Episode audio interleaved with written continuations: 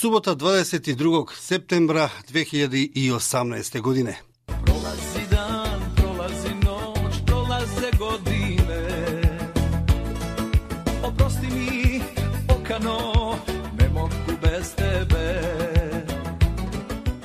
Pevo je nekad čola, a meni boga mi prođe godina kako se vratih doma u svoje rodno Skoplje iz one moje druge drage češke domovine, jer zlatna praha ostade u srcu mome dok venem mlatu gradu svome. Jelem, subota rano jutro na Sabajle je kao stvoreno za nostalgiju dok se kafeniše, a sunce se probija kroz lišće moje kalinke nar i poigrava se sa licem moje drage. A lice njeno ozareno jer su nam došla deca i jeno ih spavaju u njihovim sobama, na odmoru kod mame i tate. No baš ono doma me najviše boli zamara. Deca vole Skoplje, to nije sporno, ali njihov dom je prak. I dok razmišljam kako sam ih kao klince odveo u Zlatni grad, pa ih nakon 16 godina izdao i tamo ih ostavio, sjetio sam se posljednjeg makedonskog egzodusa.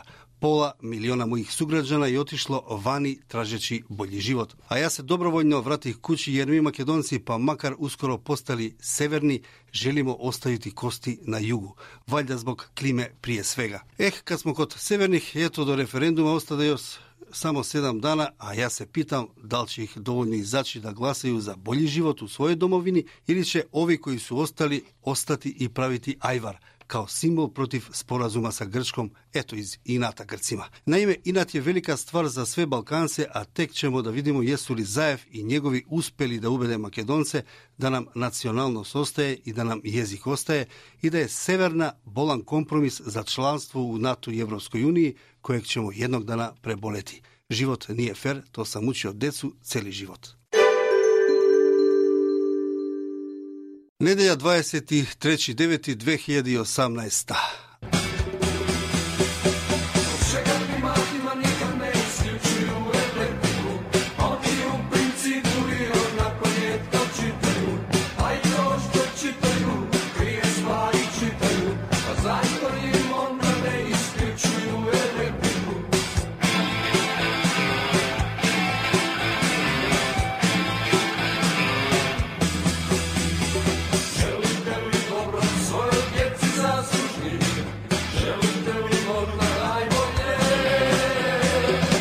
Azdru u principu ne slušam nedeljom, ali kad ustadoh i pogledah prve vesti, moj telefon je sam od sebe odlučio da je Johnny prava stvar da se počne dan onako buntovnički. Naime, naš predsjednik George Ivanov je izjavio da je odlučio da ne glasa na referendumu 30. septembra o dogovoru sa Grčkom i za članstvo u NATO i Evropskoj uniji. Ivanov je ovo izjavio na sastanku sa predstavnicima dijaspore u Detroitu. Makedonska dijaspora nam je by the way podeljena. U vreme šarene revolucije pojavio se Forum za demokratsku Makedoniju. U taj forum su i Makedonci i Albanci i sve ostale zajednice. Njihovi predstavnici su se pre nekoliko dana u Vašingtonu sreli sa premijerom Zoranom Zajevim i podržali njegovu Evropsku Makedoniju. Sve je kod nas podeljeno, i doma i vani, čak i Vambro Dapamana je podeljeno. Ako ništa drugo, nakon 30. bar ćemo približno znati procene.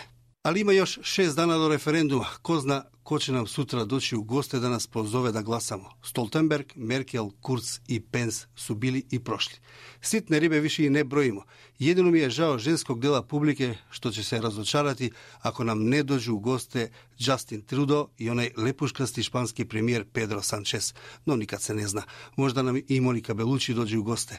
Eno je Klaudija Kardinale u Bitoli prima nagradu Kamera 300 познаток фестивала Брача Манаки. Тоа су била брача која су први на Балкану донели камеру, а ако не сте знали, и измеѓу осталог снимили посету Кемала Ататурка своме родном граду Битоли. Идем ја зеленило на водно изнад Скопје како не бих неделju мрзал због понеделка.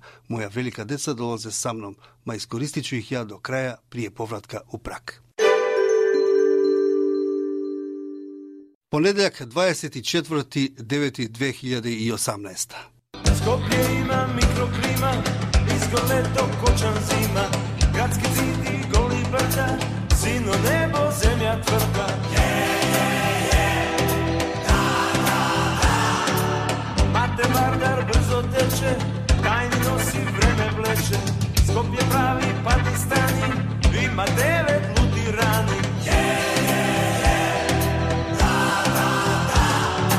Написал Горан Стефановски, од свиро и одпевал негов брат Владко и Лепи Сол. Ја понедјак не мрзим у принцип, али сазнание да нам престои велики догаѓај ствара ми притисак у грудима. Дан и почиње жестоко. Свако има нешто да каже и поручи у корист или против референдума. Министар ванјски послова Никола Димитров е након трибина и сусрета со обичним луѓима сватио да веќина и ние прочитала договор со грцима и да им треба објаснити да се, на пример земја нече звати северно од Македонија, веќе северна Северна Македонија и да не шемо бити северни македонци, веќе македонци, граѓани Северна Република Македонија. Језикот е македонски. Kodovi ostaju maka i makada, objašnjavao je ministar i kakve će biti ustavne promjene ako dogovor sa Grcima prođe u obe zemlje. Ministar je shvatio da ljudi ne razumeju da su bombardovani lažnim informacijama, ali da li će ga oni nakon današnje preskonferencije shvatiti, veliko je pitanje. Zato sa druge strane svako ima nekoga da opsuje preko socijalnih mreža. Odavno je nestalo na bazična pristojnost. Za mene je veliko pitanje zašto se na prvi pogled pristojni ljudi pretvaraju u monstrume kad sednu iza kompjutera ili smart telefona.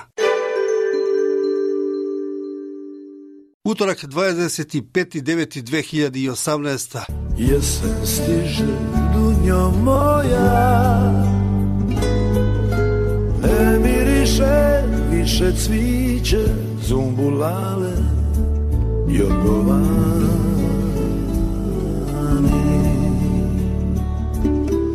Е, мој Оливере, наш си бие и остачеш наш папе. Захладило данас, а? Од 31 ступан јуче спало на 18 данас. Јесен стиже, то ти е дуња моја. Мој деда, тоест отац мога отца, родио се прие балкански ратува 1911 у Османлиској империи. Презиме му е било Ќука. Србија ја у Балкански ратовима окупирала Вардарски дел Македонија и српски писари и жандари су му променили име у Куковиќ. – Кад су дошли бугари и послали го логор, постоје Куков, па након Друго светско рата и стварање народне па социјалистичке Македонија, вратио е себе старо породично презиме. Било па прошло, говорија е отац мога отца. Рече о томе да без разлика на свете свакојаке промени и на снажни покушај асимилација суседних држава, македонци су били и остали македонци. Е сад е питање убедености хоче ли и дале тако остати и обстати. Овог јутра поново читам договор о решавању разлика измеѓу Македонија и Грчке, припремајучи се за гостување на ТВ дебати на Алса телевизија со представником ВМРО ДПМН и аналитичарима. Име Северна Република Македонија, државјанство македонско, кроз граѓани Северна Република Македонија, званичен јазик македонски јазик, како е признато на тречој конференција Уединених нација о стандардизација географских имена одржана у Атини 1977 године са напоменом да обе страни прихватају да се нивово разумевање термина Македонија и македонци односи на различити историски контекст и културно наследје.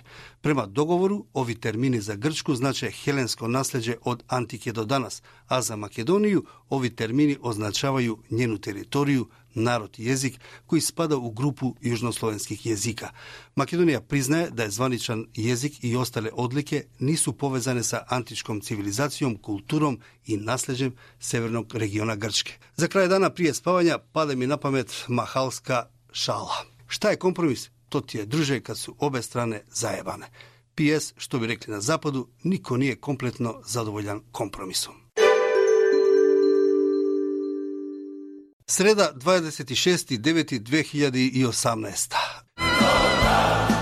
Kliče se nebulozama U inat dijagnozama Isti krezubi statisti mlate Barjakom Ma jeste, Đole, upravo si, brate ili druže, kako ti je po volji. Čitam komentare na socijalnim mrežama i stvarno smo dno dna.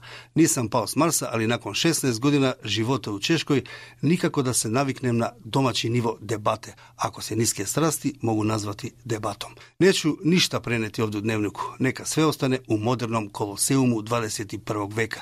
Nekad su u rimskom koloseumu palcem gore ili dole odlučivali da li će pobeđeni rob živjeti ili umreti. Gladiator. Danas na Facebooku ubijaju po više puta i na više načina. Što gadnije uvrede, to više lajkova, druže Blaševiću. I zato, kako kažeš u svojoj dno dna, ajmo neki stiho ljubavi. Ili možda ljubav više tu ne stanuje. Četvrtak 27.9.2018.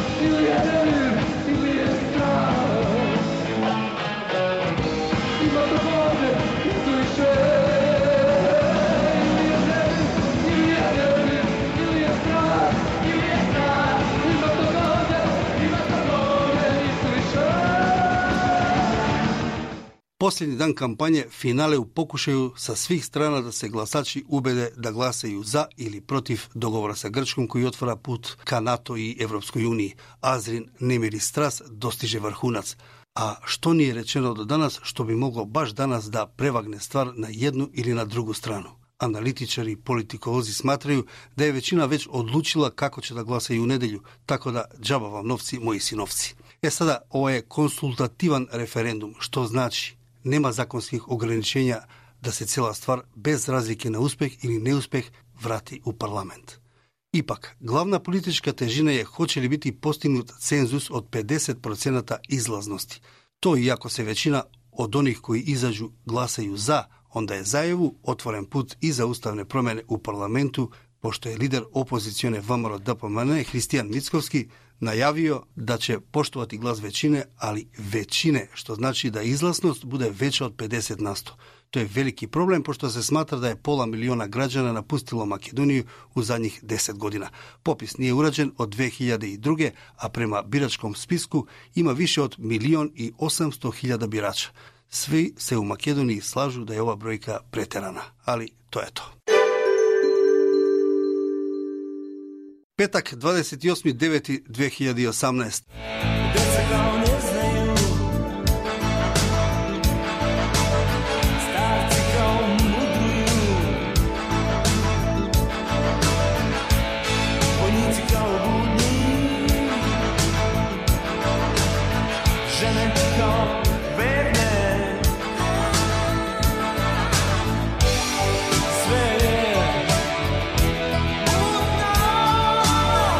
Lepi sol. Mutno je Vlatko Stefanovski mutno kako ono tvoje kao kakao ili sve liči na vaš kalabalak, beć na srcu, kuršlus u mozgu. Vidiš, Vamro Dapamane kao bojkotuje, ali ne bojkotuje. Vamro Dapamane je kao protiv dogovora sa Grcima, ali je za NATO i EU. Niko iz koalicije za koja podržava dogovor sa Grcima nije kao sretan zbog promjene imena države, ali je kao sretan zbog zagarantovanog identiteta i garantovane NATO i EU budućnosti.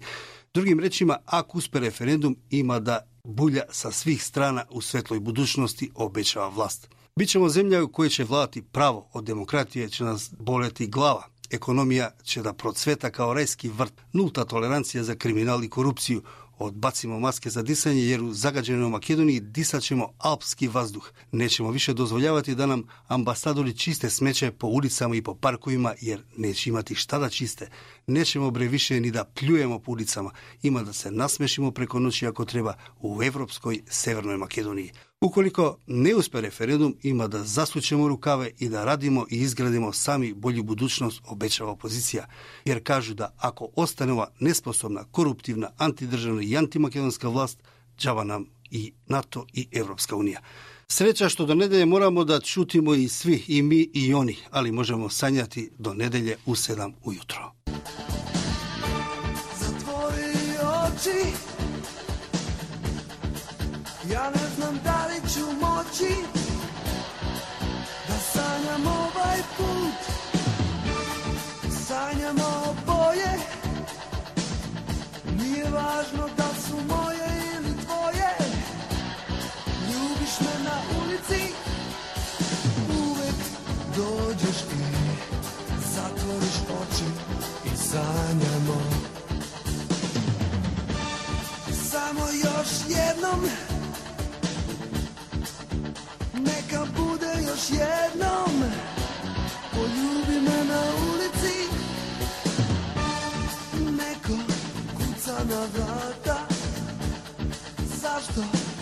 otvaraš trancu Sa osmehom na usnama.